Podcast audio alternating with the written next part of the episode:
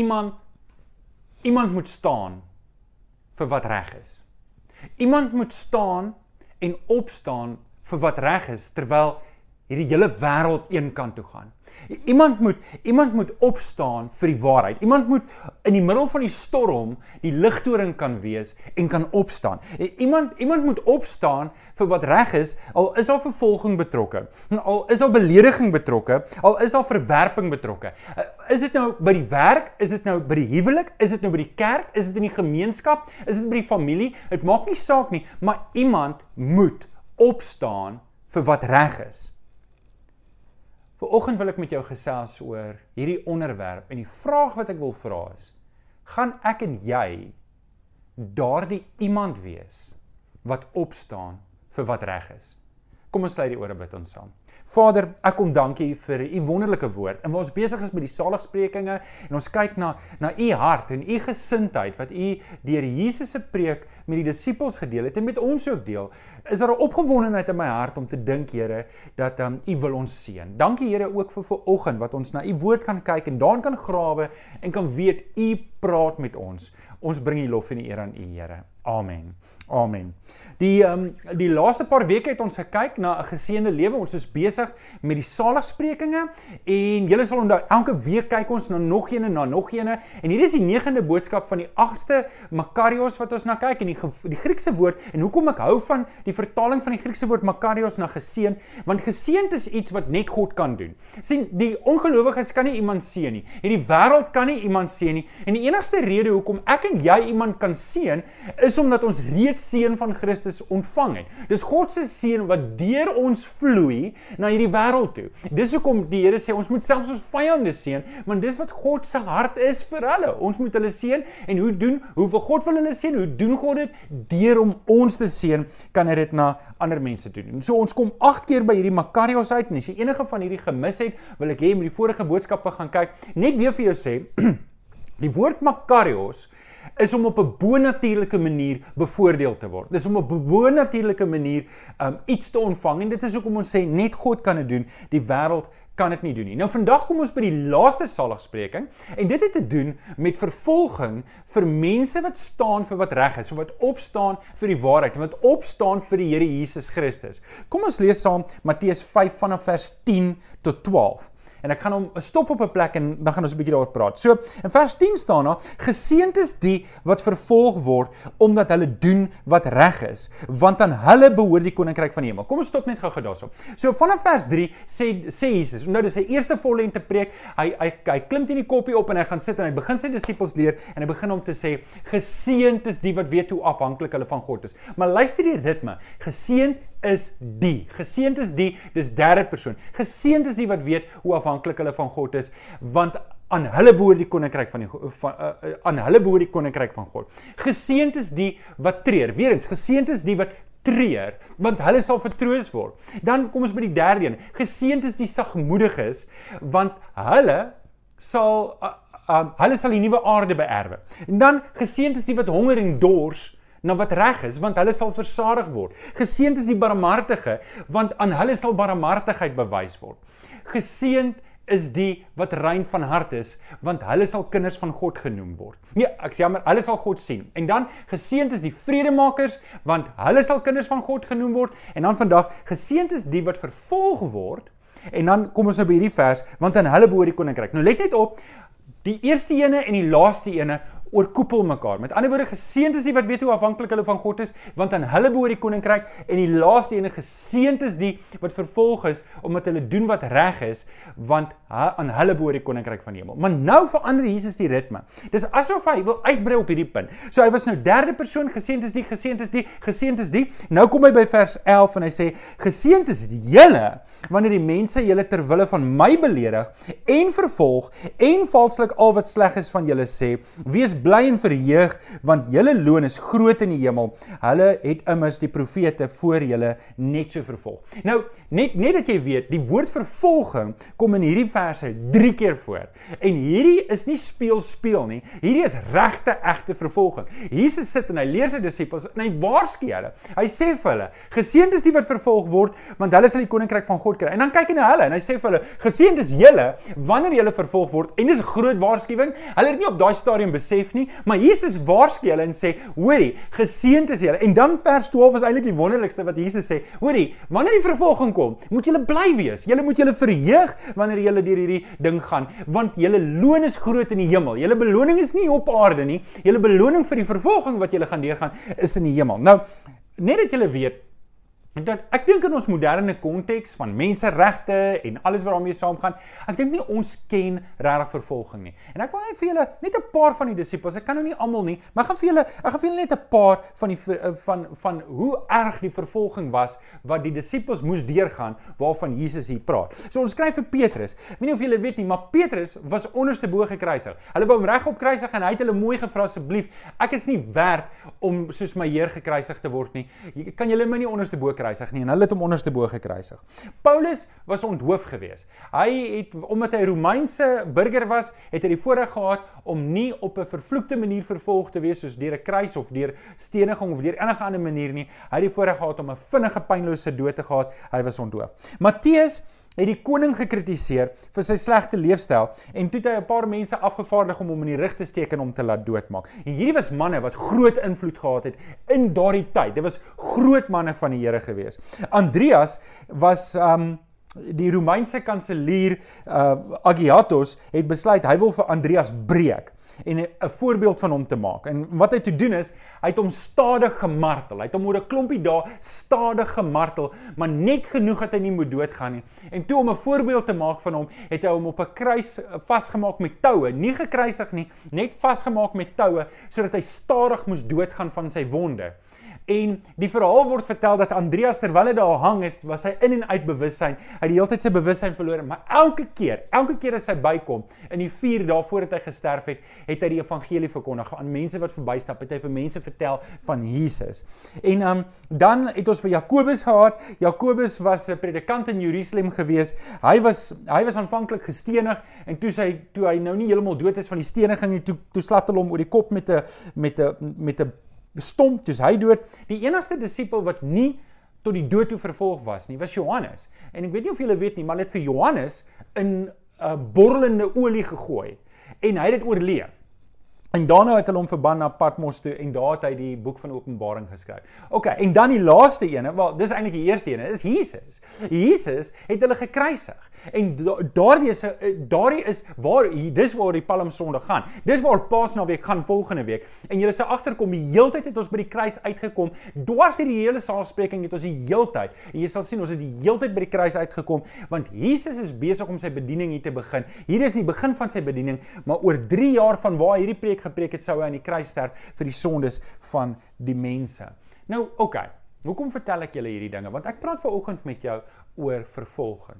Nou, wanneer ons kyk na Suid-Afrika en ons kyk om ons, dan is die kans goed dat nie ek of jy waarskynlik doodgemaak gaan word vir ons geloof nie. Maar ons gaan deur vervolging gaan. Is dit op 'n groot skaal of op 'n klein skaal? Gaan die toekoms, gaan die politiek, gaan die politiek so verander in ons land dat ons dalk ernstig vervolg gaan word?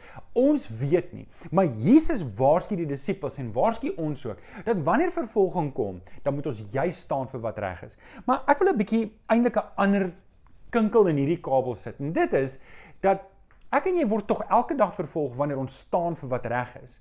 En en dit mag wees dat jy vervolg word deur jou man of jou vrou of jou kinders wat nie vashou in Jesus nie. Dit kan wees dat jy vervolg word by jou werk omdat jy nie bereid is om transaksies onder die tafel te doen of om jou werk op 'n sekere manier te doen sodat jy op 'n ander manier bevoordeel kan word nie. Omdat jy lief is vir Jesus, weier jy om deel te wees van bedrog en die Die teenpool daarvan is dat jy dalk vervolg word. Jy kry nie promosie nie, jy kry nie verhoog, verhoging nie.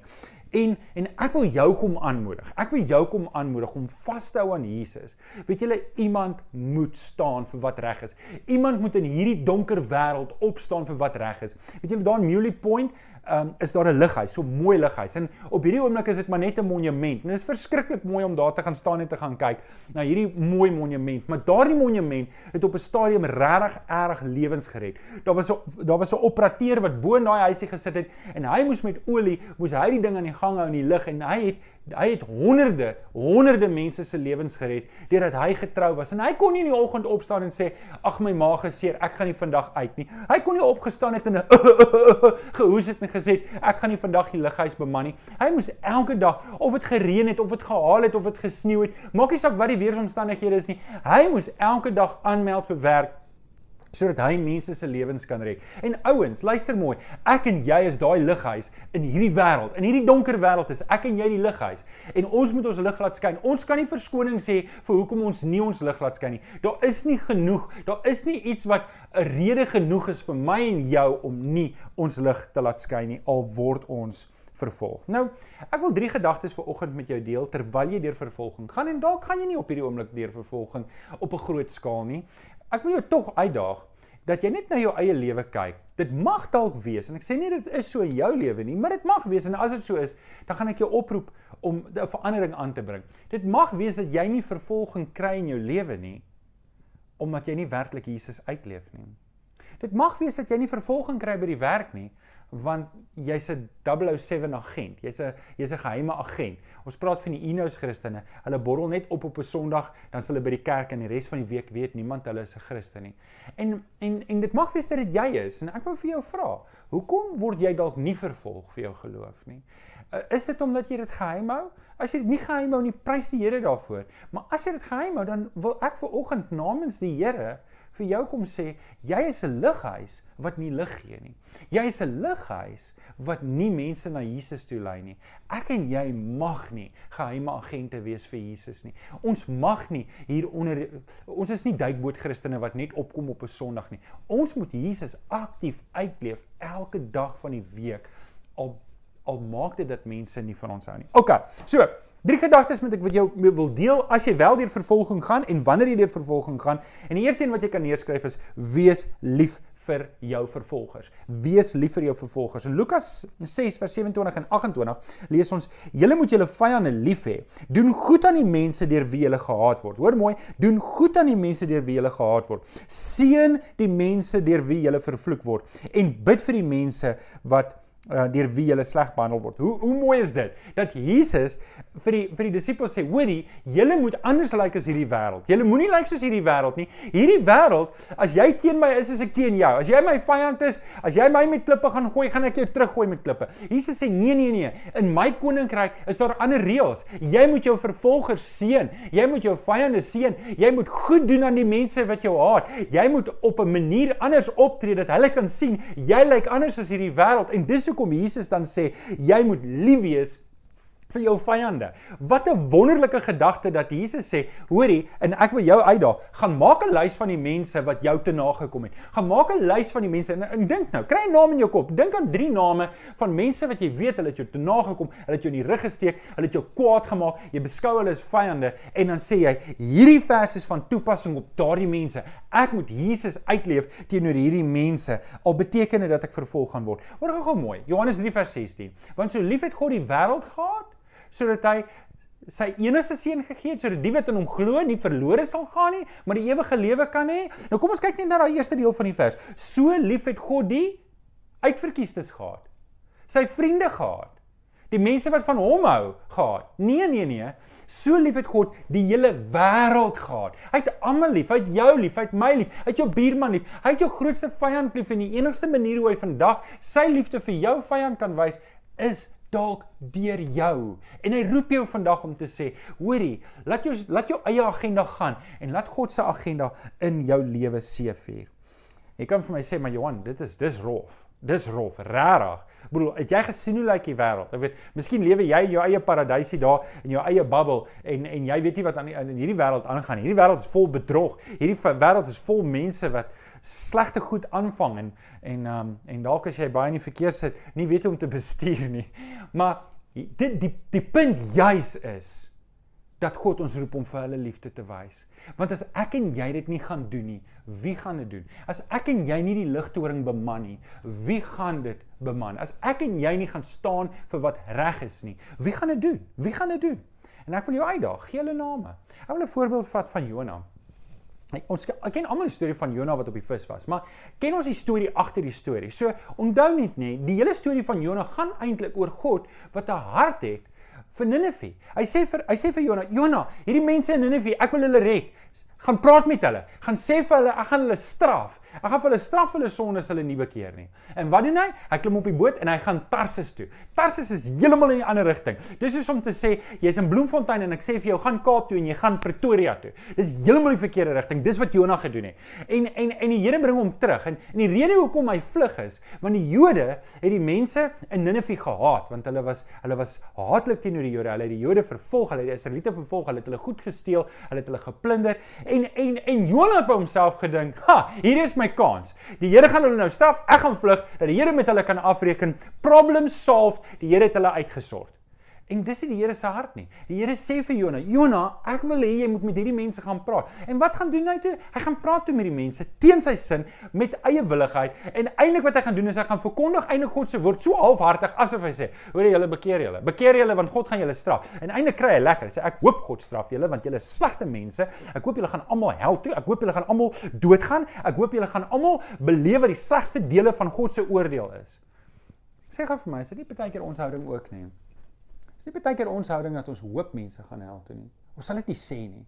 Ons sal dit nie sê nie, maar ons verlekker ons as mense wat nie Jesus ken nie, baie keer in hulle eie strikke trap.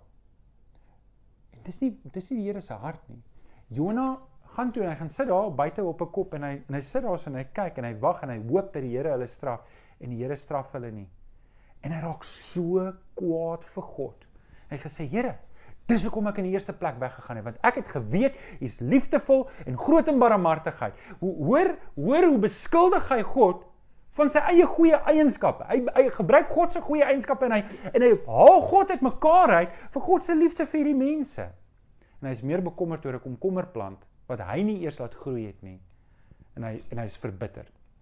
Ouens, die Here roep ons om ons vyande lief te hê, regtig lief te hê, regtig om te gee vir hulle, regtig 'n hart te hê. Weet jy wat jy kan kyk en dis waar van my en dis waar van jou. Die deel van my wat my vyande nie wil lief hê nie, is die deel van my wat nog nie aan Jesus behoort nie. Hou dit in gedagte. Nommer 2. So nommer 1 wat baie belangrik is, wees lief vir jou vervolgers. Nommer 2 wat baie belangrik is, ons het laasweek hieroor gepraat en ek wil net weer hier aanraak, leef in vrede met almal. Leef in vrede. Van my en jou kant af moet ons in vrede leef. Lukas 6 vers 35 sê sonder om iets terug te verwag. In ander woorde, ons moet dit doen wat Jesus van verwag sonder om beloning te verwag. Moet julle julle vyande lief hê en goed doen aan hulle. Dis verskriklik.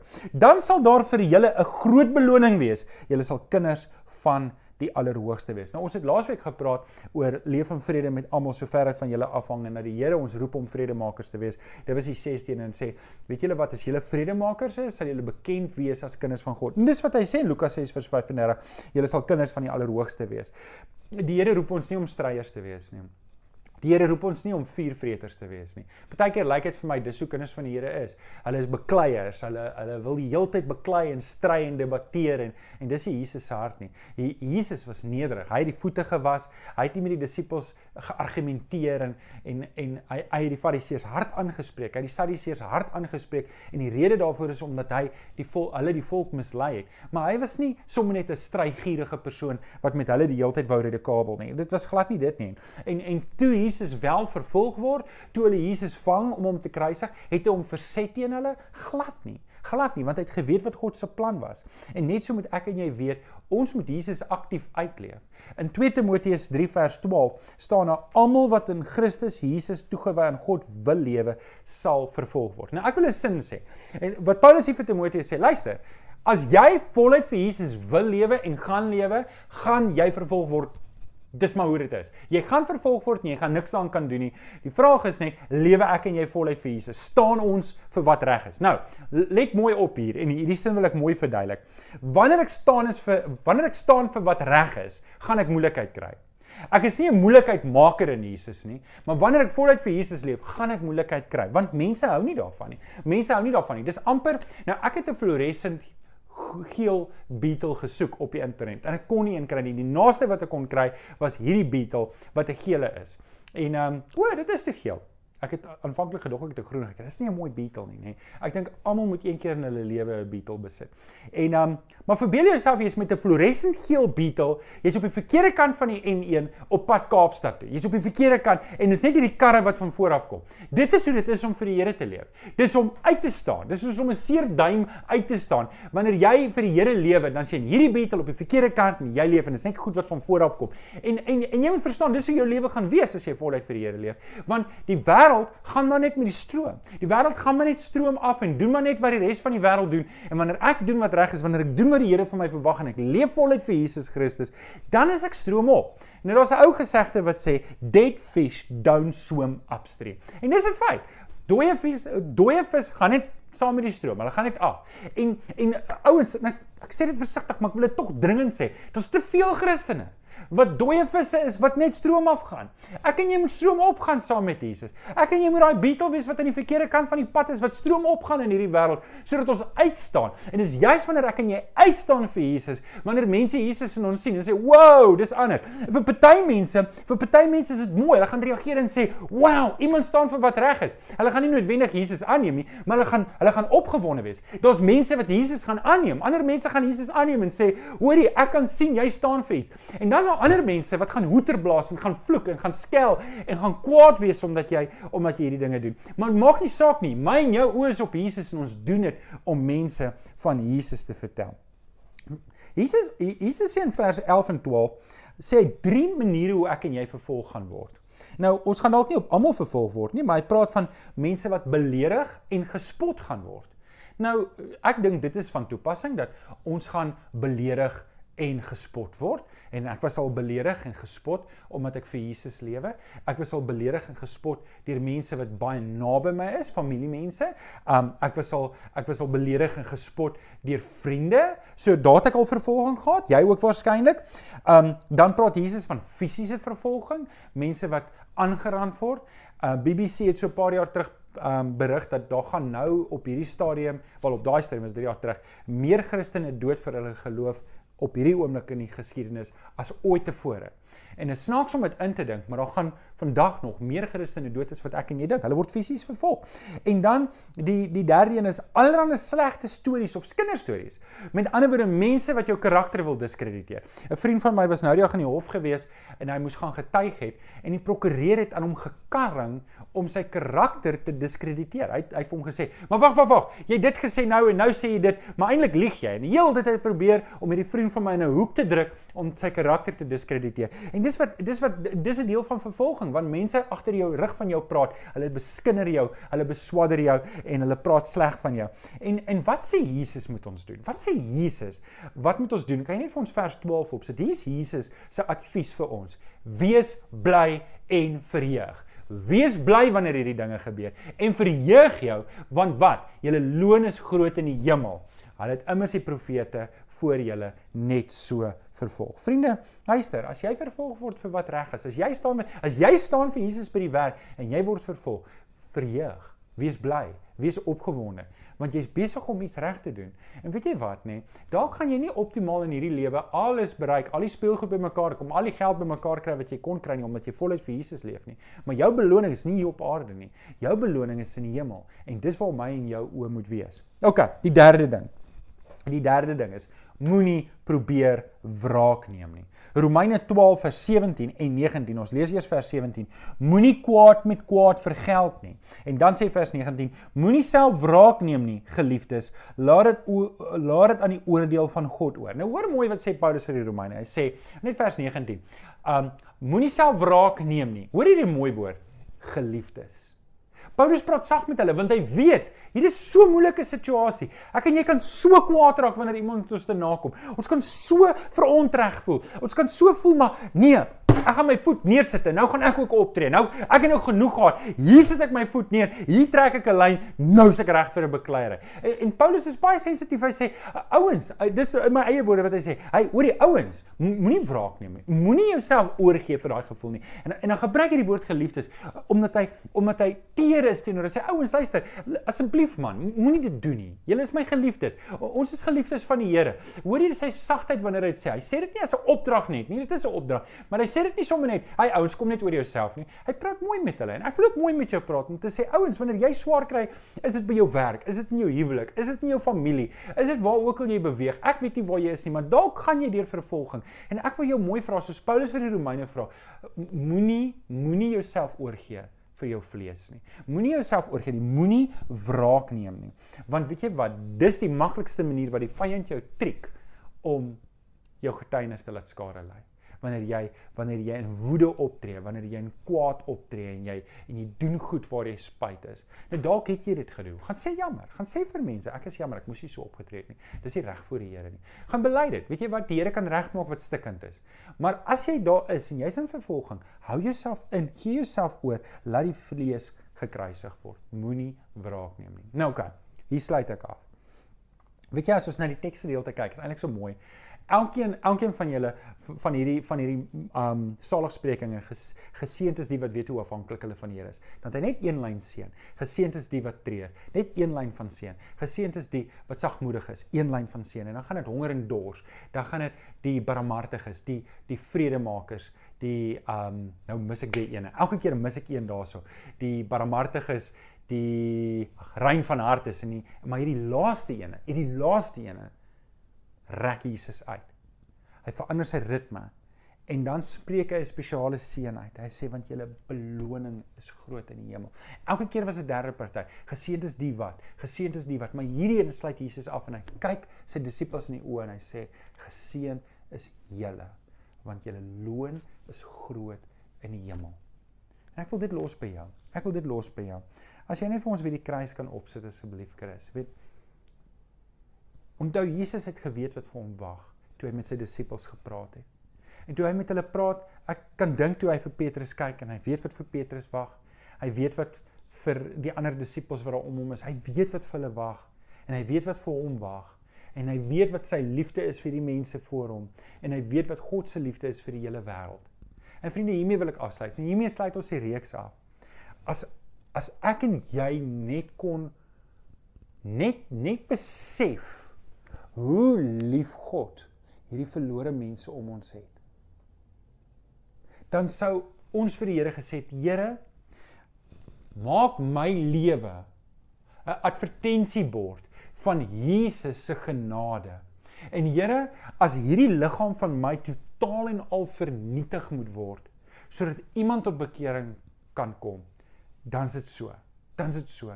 En as ek en jy na vervolging kan kyk in daardie lig om te sê, dis 'n voorreg wanneer ek vervolg word omdat ek 'n lighuis is vir Jesus, omdat ek Jesus se lig laat skyn. As ek vervolg word daarvoor, wat is wat kan tog 'n groter voorreg wees as dit? Vriende, ek wil jou uitdaag om nie moed op te gee nie. Hou aan om Jesus uit te leef by jou werk. Hou aan. Hoorie mevrou, jy sit daar so en jy kyk nou en jou man dien nie die Here nie en jy weet dit en en jy is al mismoedig en jy het al dalk goed in jou hart begin kweek. Moenie opgee nie. Moenie moed opgee nie. Hou aan aanhou. Luister, dalk is jy, jy's nou getroud met 'n vrou wat ongelowig is. Jy het dalk ongelowige kinders. Ek weet nie wat jou situasie is nie. Maar hou aan aanhou. Moenie moed op moenie moed opgee nie. Hou aan al word jy vervolg. Ek wil vir jou bid.